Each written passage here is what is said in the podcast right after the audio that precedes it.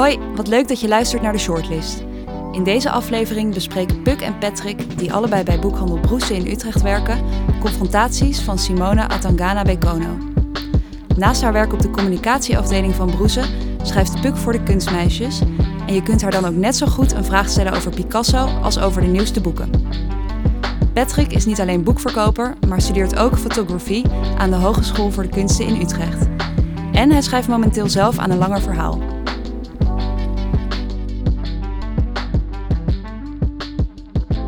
Wij hebben inderdaad nu ook een mooi boek voor ons, uh, wat samen hebben gelezen. Confrontaties van Simone Atangana Bekono. Um, haar debuut. Wat vond je ervan, Pet? Wat ik ervan vond? Ja. In, hele, in hele korte woorden. Misschien in drie woorden. Dat ik het misschien dan kan beschrijven. Go. Een wanhoop. Agressie. Aha. Maar ook iemand die geen slachtoffer wil zijn. De hoofdpersonen die wij volgen. Salome, ze is een 16 jaar meisje. Ze zit in een jeugddetentiecentrum. Uh, dat, uh, ze noemt het de Donuts, naar de vorm van het gebouw. En ze zit daar omdat ze twee klasgenoten uh, kapot heeft geslagen. En ze heeft er geen spijt van. Dat merk je eigenlijk al gelijk al vrij snel. Um, maar in, eenmaal in dat, in dat detentiecentrum wordt ze toch wel ja, je kan natuurlijk nergens anders heen, wordt ze wel gedwongen om over na te denken wat er, uh, wat er gebeurd is. Ja, ze, ze komt daar. Ze heeft dus eigenlijk iets gedaan waarvoor ze gestraft wordt. Ze wordt naar het jeugddetentiecentrum gebracht. Uh, en daar moet ze eigenlijk rehabiliteren, hoe ze dat eigenlijk kastisch zegt, of met spot. Mm -hmm. um, en dat doet ze dus door met bepaalde personen in, uh, in die inrichting te praten die haar willen helpen. Een soort jeugdbegeleiding. Ja, soort... en Frits is eigenlijk de ja, persoon waarmee ze de hele tijd die therapeutische gesprekken heeft. Mm -hmm. Ja, die band tussen haar en Frits is dan heel hevig. Waarom is ze zo gelijk met Frits al gelijk van... Waarom is het gelijk zo heftig? Nou, omdat ze, ja, ze herkent Frits van een programma. In het boek wordt het Hello Jungle genoemd. Alleen toen ik het las, had ik gelijk een soort van associatie van... wow, ik heb dit gezien. Dit is uh, Groeten uit de Rimboe. Ja, dit is ook... Dat, het, het vond eigenlijk al vanaf, vanaf het begin... Eerst wilde Salome überhaupt niet eens met hem in één kamer zitten. Omdat ze gewoon weet van... ja, jij hebt meegedaan aan dat Hallo Jungle... en je bent gewoon een racist... en ik kan jou gewoon niet uitstaan. En uiteindelijk moet ze wel. Want ja, dat, dat, ze kunnen natuurlijk dwingen, zo'n detentie ik vond dat wel een van de meest fascinerende relaties die zij heeft. Uh, in hoe je heel langzaam toch een soort verandering ziet. Ik bedoel, Salome noemt hem een racist en hij is van ja, maar dat ben ik niet. En hoewel ze allebei bij hun eigen standpunt blijven, zie je wel ergens heel langzaam dat ja, ze accepteert of... op een bepaalde manier, wat ook vaak voorkomt, dat de structuren tegen haar zijn. Mm -hmm. um, en je voelt heel erg omdat ze daar wel tegen vechten. Maar op een gegeven moment komt ze er ook achter van, ja, ik ben hier nu.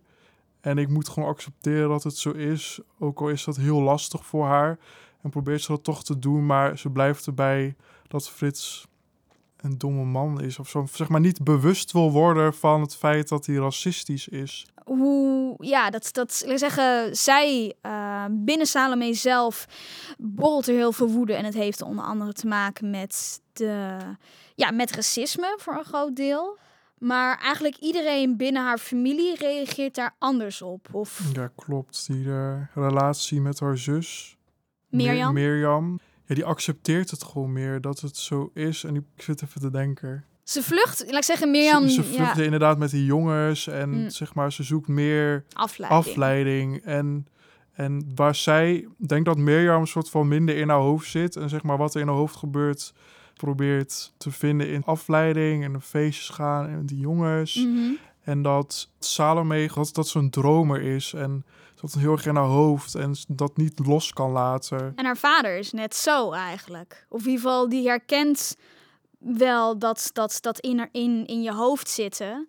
Want daarom koopt hij uiteindelijk die boksval, denk ik, voor Omdat hij ziet van hoe het binnen Salome borrelt.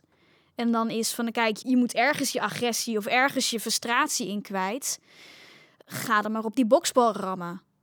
Ja, helpt dat? Ja, het helpt denk ik tijdelijk. Van op het moment zelf, maar... Dat is net zoals dat je een hele servieskast, denk ik, zo omgooit. Op het moment zelf vind je het heerlijk. Maar die emoties blijven gewoon bestaan. Nou, dat vind ik wel heel mooi dat je dat zegt. Want dat is inderdaad, dat, dat, dat, kreeg, eh, dat kreeg gevoel kreeg ik ook wel heel erg als je een boek leest. Dat die woede gewoon in er blijft zitten. Ook al zit ze nu in het, in het centrum, in het detentiecentrum, heeft ze totaal geen spijt van wat ze heeft gedaan.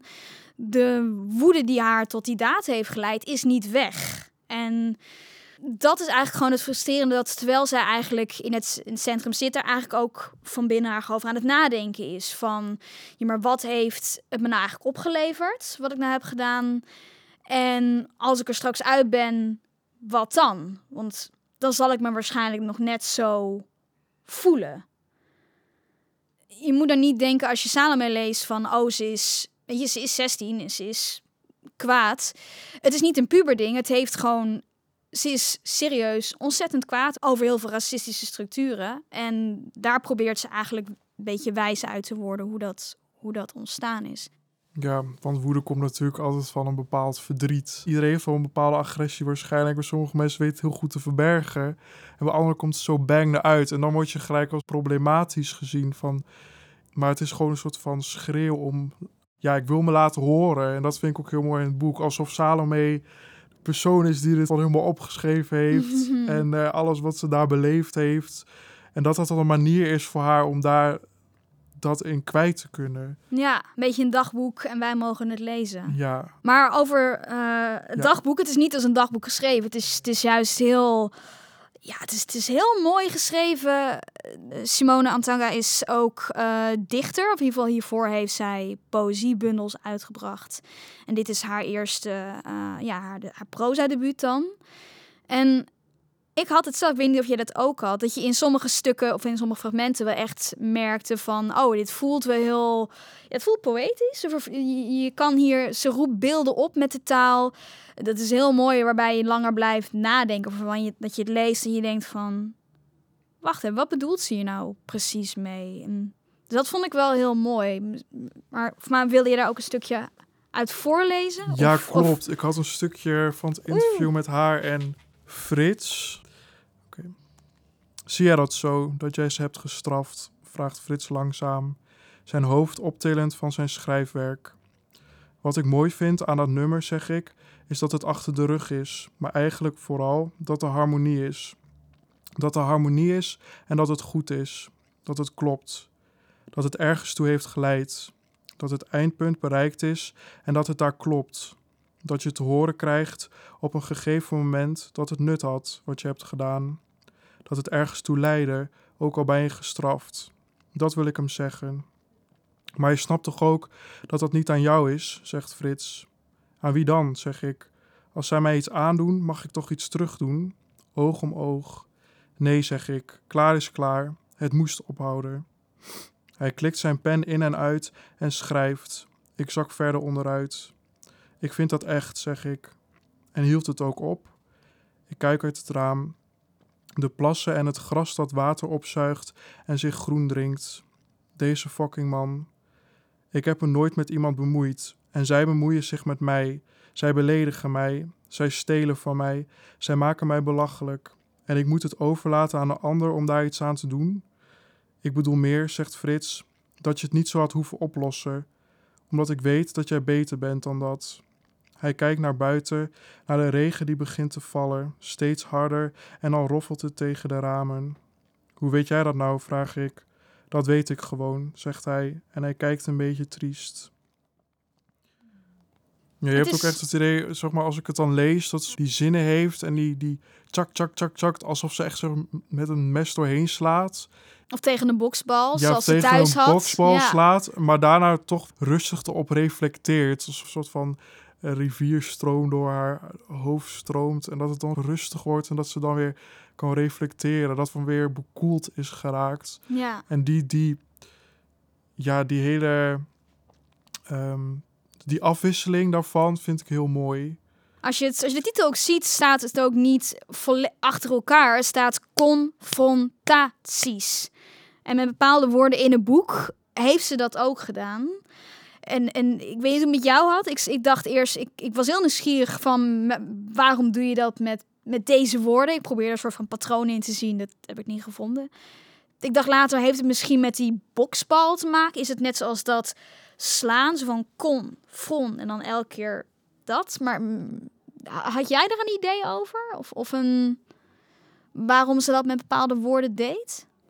Ja, ook om de nadruk er echt op te leggen. Maar ik vond ook, bijvoorbeeld met dat rehabilitatie, daar was ze een beetje best wel sceptisch over. Van een beetje kritisch. Haha. Ze, beg- ja, ze, ze gelooft daar niet in.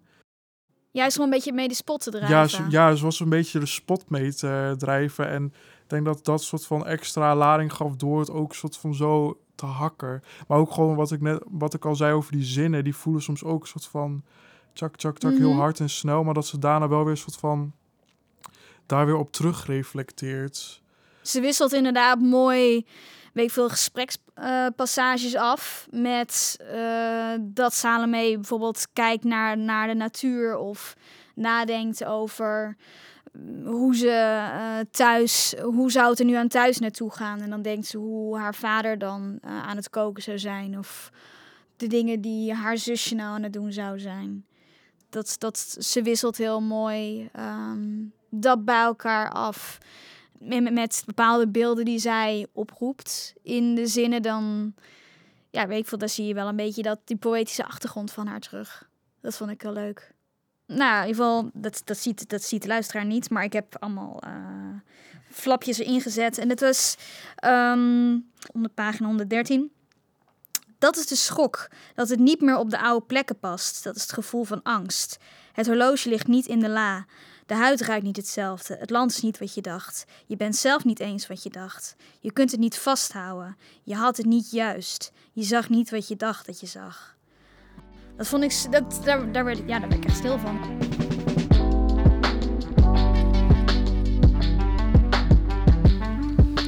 Inmiddels is Simona Atangana Bekono aangeschoven en hebben Puk en Patrick een aantal vragen voor haar. Ehm, ja, we zijn natuurlijk wel nieuwsgierig geworden meer van hoe, hoe dit verhaal tot stand gekomen is. Hoe, ha- had, je, had, je, had je gelijk al, had je al langer een, een idee? Of, of had, je, had je een personage in je hoofd? Hoe, hoe is dat gegaan? Ehm, ik had eh, in het begin helemaal geen idee. Ik was heel veel aan het schrijven wel, maar meer ehm, uit een soort angst eh, dat ik in een zwart gat zou vallen. Want ik was toen net afgestudeerd van de kunstacademie. En ik wilde heel graag verder met wat thema's waar ik op de academie ook al aan had gewerkt. En ik was anderhalf jaar als een soort idioot, maar gewoon aan het schrijven. En ik heb heel lang gedacht van, ik ga het meest logische, als ik kijk naar het materiaal dat ik verzameld heb en wat ik heb opgeschreven, wat vaak gewoon persoonlijke gedachten waren, et cetera, dan wordt het dus blijkbaar een autobiografisch boek.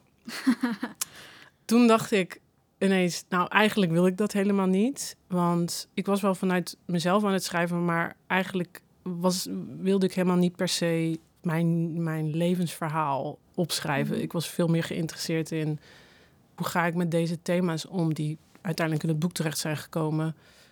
Op een manier die recht doet aan hoe ik wil dat er naar gekeken wordt. Of, of hoe, ehm, hoe ik in ieder geval. De, ehm, ja, hoe zou ik het zeggen? Die, eh, mijn- ik, wilde, ik wilde eigenlijk niet per se, eh, denk ik, autobiografisch schrijven, omdat ik dacht. Ten eerste vind ik dat niet super interessant of zo ehm, voor mezelf. Ik denk, ik, ik denk ook niet dat ik nu op een leeftijd ben dat ik heel veel boeiends kan zeggen over mijn eigen jeugd nog. Het is ook best pittig zo opeens nadenken over jezelf. En, Ja. en denken van, oh, is wat, is wat ik heb meegemaakt interessant voor een boek? Ja, precies. Je moet dan dus ook je eigen leven soort van gaan. Ja, je moet jezelf een beetje mythologiseren of zo. Dus het wordt heel erg van, oh ja, en dat was het belangrijkste. Was maar toen dacht ik, nee, want ik ben helemaal niet geïnteresseerd in zo naakt zijn. Maar ik had nog steeds heel veel materiaal en die thema's. En op het moment dat ik de knoop doorhakte en dacht... nee, ik ga dit gewoon helemaal niet autobiografisch maken. Ik wil gewoon dat het een verhaal wordt, een fictief verhaal. En dat personage wat zo nu en dan in het materiaal opduikt... dat wordt gewoon mijn hoofdpersonage. En die heeft zeker gelijkenissen met mij... maar is helemaal de eigen persoon. En zo is eigenlijk... Salome Atebong ontstaan. En zo is eigenlijk ook pas het hele dus het narratief, dus, dus de, de, de locatie, de donut, het jeugddetentiecentrum, Mhm. het dorp. Zo zijn al die elementen pas echt tot leven gekomen of Ja, zo. want dat, dat, dat, dat hele autobiografische, dat mensen daar soort van één op één link mee leggen. En dat vind Ja. ik juist soms, soms heb ik nog het over, vinden misschien schrijven ze helemaal niet fijn. Nee. ja, precies. nou, ehm, eh, nou, het ligt er denk ik heel erg aan. Kijk, er zijn natuurlijk schrijvers die gewoon zeggen: ik zet mezelf in. Ik ben nu een personage, dus, dus eh, ja, vind dan maar wat van. Maar ja, er is wel degelijk natuurlijk afstand tussen een hoofdpersonage dat op je lijkt ehm, en jouzelf. En nou ja, wat ik soms lastig vind, is dat dan soms een vraag wordt gesteld van: nou, oké, je hoofdpersonage is, is boos en zo en zo. Was jij ook? Je, en dan ben ik zo van, ja, ehm, misschien, ja, welke Ja. tiener is niet soms boos? Ja. Maar dat, en dat vind ik soms een beetje gevaarlijk, juist ook met betrekking tot dit onderwerp van het dan gaat boek. het alleen maar over jou en niet per se over het boek. Ja, zeg maar, jouw ervaring en de ervaring van je hoofdpersonage worden bijna inwisselbaar, terwijl ik toch echt niet in een jeugddetentiecentrum heb gezeten. Nee, terwijl jij, maar je hebt natuurlijk wel veel research gedaan Ja, en ja, met tuurlijk, jongeren maar- gesproken in het jeugdcentrum. Ja. wat heeft dat gebracht voor hoe je proces daarna is verlopen? Nou, ik denk dat het veel meer was dat ik ehm, op een gegeven moment wist van... oké, dit, ik weet wie dit personage is. Ze heeft een bepaalde stem. Dus ik wilde dat zij een soort spanning, een soort woede ook wel in zich had. Uh, maar ook, een, ook wel een groot oordeel. Het is een redelijk... Het is een slim meisje en ook wel een redelijk Mhm. oordelend meisje. Uh, wat, wat natuurlijk heel leuk is om te onderzoeken. En uh, ik dacht van, wat is nou, wat is nou de goede plek om dat tot zijn recht te laten komen. Waarom is zij zo boos? En zo is eigenlijk pas het hele achtergrondverhaal ontstaan. En, en dus ook de motieven in het verhaal. En dus ook het, het feit dat zij een geweldsdelict heeft gepleegd. Dat was voor mij dus de, de katalysator om, met, um, ja, om me in die wereld eigenlijk te verdiepen van jongeren die met jeugdzorg te maken krijgen, die uiteindelijk in detentiecentra terechtkomen. Hoe was dat, die, die interviews met die jongeren? Ja, nou, ik heb daar wel goed begeleiding bij gehad. Ik heb eerst met um, uh, iemand gesproken die bij Young in Prison werkt. Dat is een organisatie die eigenlijk uh, zowel workshops en lessen aanbiedt voor jongeren die binnen zitten. Want je moet daar natuurlijk ook naar school. Ja, dus eigenlijk uh, heb ik eerst daar een verkennend gesprek gevoerd van... stel nou, ik wil die interviews doen. Waar moet ik op letten? En vooral ook, hoe kan ik dat op een integere manier doen? Want het laatste wat ik wilde was een situatie creëren, want het gaat natuurlijk ook over minderjarigen, waarin mensen met mij een soort vertrouwensband aangaan en hun verhaal prijsgeven, de dingen die zijn gebeurd waardoor zij vast zijn komen te zitten. Van de ene weet ik dat wel, van de ander niet. Mm-hmm. Um, en dat en misschien zelfs op een gegeven moment denken, oh, zij gaat mijn verhaal vertellen of zij gaat uitleggen, maar het, was, het is achtergrondinformatie voor een heel ander verhaal. Ah. Uh, voor een niet bestaande plek. Met, voor een niet bestaand hoofdpersonage die mm. een geweldsdelict heeft gepleegd dat niet in het echt gepleegd is. Dus, dat, dus ik wilde daar natuurlijk eerst wel um, met uh, die medewerker van Young in Prison over in gesprek gaan. Omdat ik het. Ik zou niet willen dat daar een soort rare. Nou, het zijn, het zijn, uiteindelijk zijn het minderjarigen, het zijn ook kwetsbare mensen daar heb ik eerst heel veel over gesproken. En vervolgens zijn we uitgezoeken wat zijn, welke, welke mensen zou kunnen spreken die daar ook goed over kunnen vertellen. Die daar ja, die ook begrijpen, uh, of nou niet dat jongeren dat niet zouden begrijpen, maar die goed inzien wat jij volgens met die informatie gaat doen. En dat die ook niet representatief staat voor hun ervaring. Ja, er zitten en, ja. kanten aan. Ja, ja, wel. Van, ja. Moet onderzoeker. Ja, en ik, um, toen zijn we eigenlijk terechtgekomen bij uh, twee jongens die al uit een jeugddetentiecentrum uh, waren. Die eigenlijk ook vaker wel in um, bijvoorbeeld uh, op scholen of in centra of de jeugdrechtbank ook hun verhaal doen over. Uit dit soort situaties kom ik. dit is de reden waardoor ik in een detentiecentrum terecht ben gekomen. Uh, nu ben ik hier, wat zijn de moeilijkheden? Dus die daar heel goed eigenlijk over konden praten en dat ook vaker deden. En daar heb ik uh, diepte-interviews mee gehad. En um, uh, dus die waren ook al wat ouder en konden er ook goed op reflecteren. Ik vond het wel leuk dat je zei van toen je nadacht over jouw eigen jeugd, van ook wil mijn eigen verleden niet heel erg mythologiseren. Maar die mythes zitten hier wel heel mooi verstopt. Um, hoe, hoe, zijn, hoe is die Griekse mythologie bij jou binnengekomen? Ja, um, dat is denk ik eh, iets wat. ehm, toen ik wist van oké, eh, het komt door een aantal dingen. Toen ik ten eerste toen ik wist dat het ging, dat het zou gaan over een meisje dat vast zat, wist ik van oké, maar wat is voor mij het meest, het- waar moet ik het als eerste zeg maar in de literatuur aan denken? Wat gaat over een gevangene? En toen dacht ik natuurlijk meteen aan eh, Camus, de vreemdeling, Mhm. die uiteindelijk vast komt te zitten. Oh, jullie kijken ook Ja, ja, ja, ja. Patrick C. is, is er heel erg fan van. Ja. gerefereerd net. Oké, oké. Nee. Nou, dat was dus. eh, Mhm. dat zit daar dus zeker. Dat is zeker een inspiratiebron Ja. geweest. En ehm, Camus heeft natuurlijk ook eh, de mythe van Sisyphus geschreven. Dat is een Mhm. soort. Ja, dat zeg maar, je rolt de steen naar boven. Ja, Ja. Dus dat het leven een soort. Ja. Zeg maar dat het een beetje zinloos is, maar je kunt er wel betekenis aan geven. En ik had nog eh, een vraag Mhm. over het dorp. Ja, ik kom zelf dan ook uit een dorp. En, eh, maar ik vroeg me een beetje af wat, wat het belang van het dorp was voor jou. Ja, goede vraag. Ik denk dat ehm, in de, nou ja, de, de, de, de interviews bijvoorbeeld die ik hiervoor heb gehad, waarin mensen dan ook het over het dorp wilden hebben als thema, vond, vond ik het soms wel opvallend dat mensen er, eh, dat interviewers vaak zoiets zeiden van, ja, zo'n, ze komt uit zo'n verstikkend dorp en oh, dat is verschrikkelijk. En Oh. dat, ja, ik kom ook uit een dorp. Eh, ik weet niet, ik, ik weet wel dat ik het zeker verstikkend vond eh, als tiener. Maar ik denk dat zelfs, zelfs vrienden of vriendinnen van mij die terug zijn gegaan naar een dorp naast schijn zijn gaan studeren eh, of, of daar zijn gebleven, hebben dat vast ook ooit ervaren. Ik denk dat het moeilijke is. Ik, ik, vind, ik heb niks tegen het dorpse. Ik heb denk ik wel. ehm, ik zie jou knikken. ja, ik denk. Ik, wat ik wel. eh, wat ik bijvoorbeeld heb gemist toen ik in de stad ging wonen aan het dorpse, is het feit dat er herkenning is en dat je.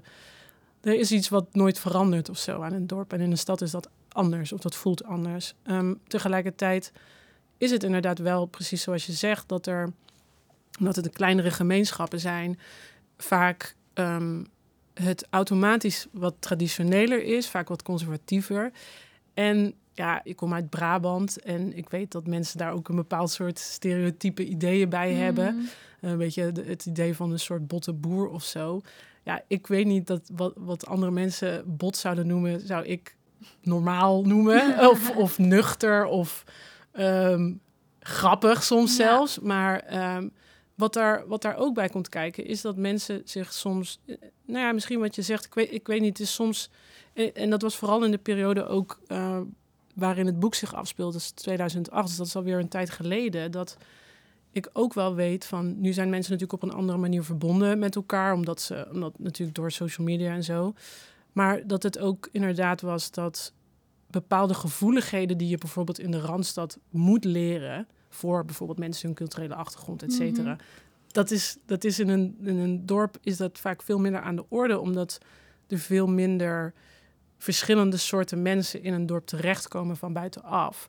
En dat was bijvoorbeeld iets wat een grote rol speelt in dit boek. Want het is niet een boek, vind ik, wat het is, het is in dat opzicht een boek dat gaat over de provincie. Het gaat niet over een randstedelijk meisje. Ik denk dat als Nee. Salome in Amsterdam of in Rotterdam was opgegroeid, dat het allemaal best anders was gegaan. Ja. Snap je? ja, ja. Niet om te zeggen van, doordat ze in een dorp is opgegroeid, is ze uiteindelijk in een, in een detentiecentrum terechtgekomen. Maar ik denk wel dat gewoon de, de tegenstellingen zijn groter en het, en het onbegrip daardoor soms ook. En dat is, dat is niet alleen lastig voor de buitenstaanders in zo'n dorp, ook voor de mensen die uit de provincie komen, zich op een hele andere manier bejegend voelen door bijvoorbeeld de politiek ook dan, dan mensen uit de grote steden. ehm, Zwarte ander- Piet. ja, anders stemmen, anders kijken naar dingen als Zwarte Piet, inderdaad. En ik vind soms dat daar niet, niet genoeg, ehm, Begrip? nou ja, niet begrip, begrip? maar ook een soort gevoeligheid voor is, denk ik, Ja. vanuit bijvoorbeeld de Randstad. Want er zijn wel degelijk echt best wel fundamentele verschillen tussen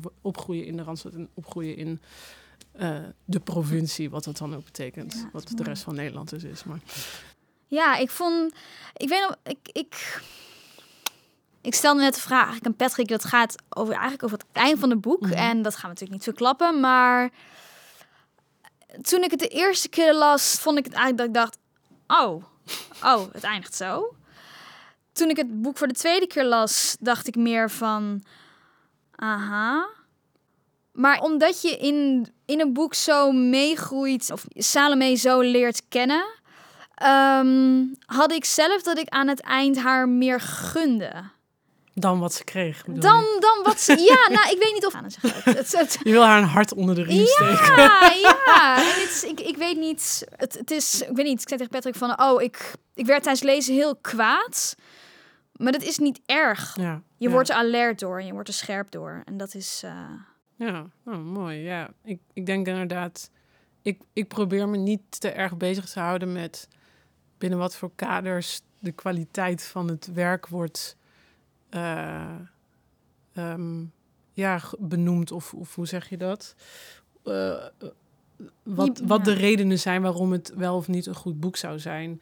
Uh, Want als je je daarmee bezighoudt... ehm, belemmert je schrijven. ja, maar het belemmert ook.